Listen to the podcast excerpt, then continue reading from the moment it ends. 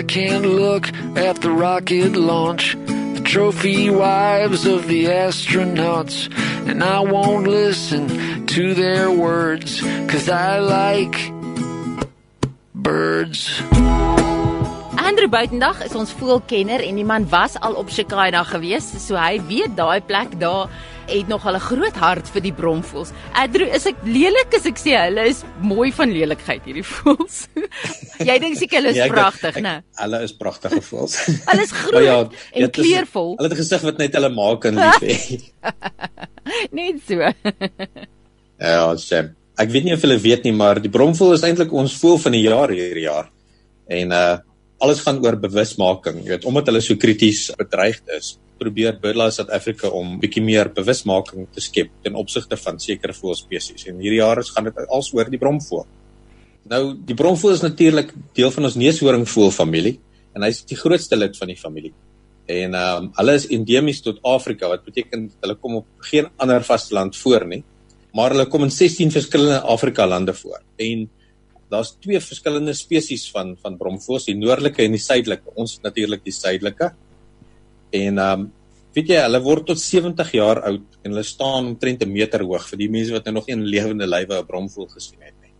Nou hulle kom gewoonlik voor in sulke familiegroepies van tot 12 en ehm um, 'n alfa mannetjie en 'n alfa wyfietjie En dan gewoonlik saam met hulle is 'n klomp mannetjies, 'n klomp jong mannetjies wat gewoonlik hulle seuns is wat saam met hulle rondstap. As daar wyfies gebore word, hulle moet ongelukkig dit verlaat en hulle moet nou maar 'n nuwe familie gaan soek. Nou wat interessant is van die bromvoëls is dat hulle lê twee eiers per jaar en dit is net die alfa mannetjie en wyfietjie wat broei. En dit is deel van die probleem hoekom hulle so bedreigd is, is dat daar's net een paar wat broei en hulle lê net eiers een keer per jaar en hulle lê gewoonlik twee eiers wat so 3 tot 5 dae uitmekaar uit gelê word maar net die eerste kykentjie wat uitbroei word groot gemaak. Nou en dit is 'n plek soos uh, daar by Mabula waar Shikaina is wat dit so um, ongelooflik maak is en die projek wat hulle daai het is, is hulle gaan dan gaan haal daai tweede eier uit die nes uit en hulle broei dan die tweede eier broei hulle uit en hulle maak daai kyken groot. Waar in die natuur sou die maanpa nie die tweede kyken groot gemaak het nie. Maar as ons nou so inmeng met die natuur, ek bedoel, wat was die Here se rede? Ek verstaan die sterkste moet nou bly lewe en dat dit help dat jy 'n goeie gene pool het. Sekerlik as net die eerste ene gaan, maar hoekom sal die tweede ene swakker wees net omdat hy tweede gemaak was? Omdat hy later uitgebroei is. Soos ek gesê het, weet die eiers word 3 tot 5 dae uitmekaar uitgelê. So die eerste enetjie uh eerste kyk en broei vroeër uit as die tweede een. Weet en en hy kry al die aandag en die tweede kyk en kry ongelukkig net glad nie die aandag nie. O, okay, die aandag bepaal of hy dan nou oorleef of nie. Ja. Weet hy hy kry eerste kos, so hy begin eers te groei, so hy's groter as die tweede enetjie. Nou hulle broei in allerlei snaakse plekke. Hulle broei gewoonlik uit in groot uitgeholde bome of selfs op rotswande en dit is ook deel van hoekom hulle so bedreigd is. Is um ons mense wat natuurlik hou daarvan om uh groot bome te gaan afkap vir hulle hout of so en dit is hulle natuurlike broeiplekke wat wat vernietig word. Maar weer eens in 'n plek soos Mabula, daar by Shikaina, uh is daar nagemaakte neste wat hulle vir hierdie voëls opsit wat hulle help om te kan broei. Hulle eet 'n verskriklike wye verskeidenheid van lewende goeters soos insekte, spinnekoppe, slange, akedisse, paddas, klein voeltjies en selfs klein soogdiere tot so groot soos 'n haas. Kan jy glo dat hy Wow. tot tot 'n haas 'n haasjeel eet? Jo. Ja. Maar hy het dan nie. Hoe kry hy dit gedoen? Hulle sluk hom heel in. Hulle kou hom pap en dan sluk hulle hom heel in. Oh my word.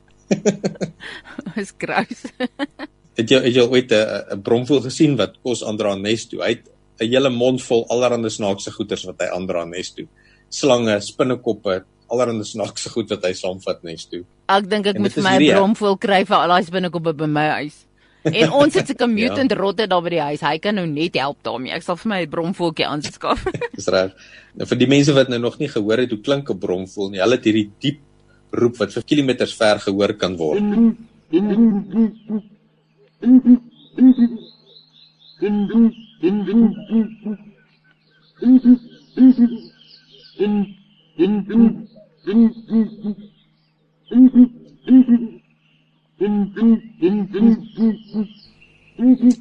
Nou, as ek aan die bromvoël dink en ek dink aan wat die Here vir homself daarin openbaar, soos ek nou-nou genoem het, hulle het hierdie helpers ehm um, wat saam met hulle gaan. Jy weet, daar's net een mannetjie en een wyfietjie wat broei, maar hulle het oralste hulle hierdie helpers, hulle seuns wat wat wat saam met hulle ehm um, gaan om te help om die kleintjies groot te maak, om te help om kos aan te dra, om te help om vir die wyfie te sorg terwyl sy op die eiers sit.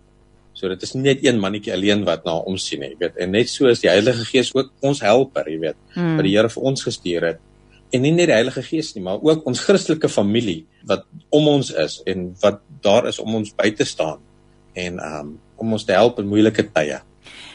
Die ding van dat die tweede kyker nie versorg word nie en dan nou sommer net kan doodgaan as dit in die natuur was en daar nie mense was om hom uit te haal en hom mooi te vertroetel en groot te kry nie was dit nou tickets vir hierdie tweede ene en dan kyk jy daarna en jy dink by jouself kies dit maak nie sin nie Hier is die goed en hulle is bedreig. Die manier van dinge doen is regtig gevaarlik vir hulle. Dit werk nie. En dit herinner my so aan dat God doen sy dinge soos wat hy dit doen. Die Here weet wat hy doen, hoe hy dit doen en partykeer kyk ons van die kant af in en ons besluit maar uh, pff, uh ons stem, ons stem nie saam nie. Dit maak nie vir ons sin nie, maar hy verander nie sy manier van sy natuur laat werk net omdat dit nie vir ons sin maak nie. Um en die redes daar agter is vir ons duister, maar uiteindelik bly hy goed, né? Ja, dis die ding is soos vir alles as ons na die natuur kyk, weet dan is daar baie dinge wat nie sin maak vir ons nie. Hmm. En en soos jy gesê het, weet in ons eie lewens ook wat nie sin maak nie, maar God het sy redes. Ja. Ek wonder hoe voel God as hy diere uitsterf. Oor hier's nou 'n bedreigde spesies, maar daar was al baie baie baie diere wat letterlik uitgesterf het. Wie waar ons mense se vuil potjies wat ingemeng het, nê, en ons selfsug en en sy diere sterf uit. Ek wonder hoe voel God daaroor, iets wat hy met soveel liefde en aandag gemaak het, as dit net verdwyn van die aardbol af as gevolg van ons. Ja, en dit is hoekom dit belangrik is dat ons daarna kyk want dit is tog wat hy vir Adam aangestel het as so, ja. om om te sien na na sy skepping. Ja, om te heers oor die diere. Ja. En oor sy skepping. Hm. Nou ja, toe daai het jy hom die bromvoël, as jy nie weet hoe die bromvoël lyk nie, maar jy post mos die goed op jou Facebookblad. Ja, nee, ek gaan definitief sal ek al hierdie inligting wat ons nou deurgegee het in die praatjie saam met fotos en klanke en alles sal ek op uh, my Facebookblad sit. Dit is natuurlik SA Birds and Wildlife. Sê dit net bietjie stadiger dat die ouens dit kan neerskryf. Wie SA Birds and Wildlife.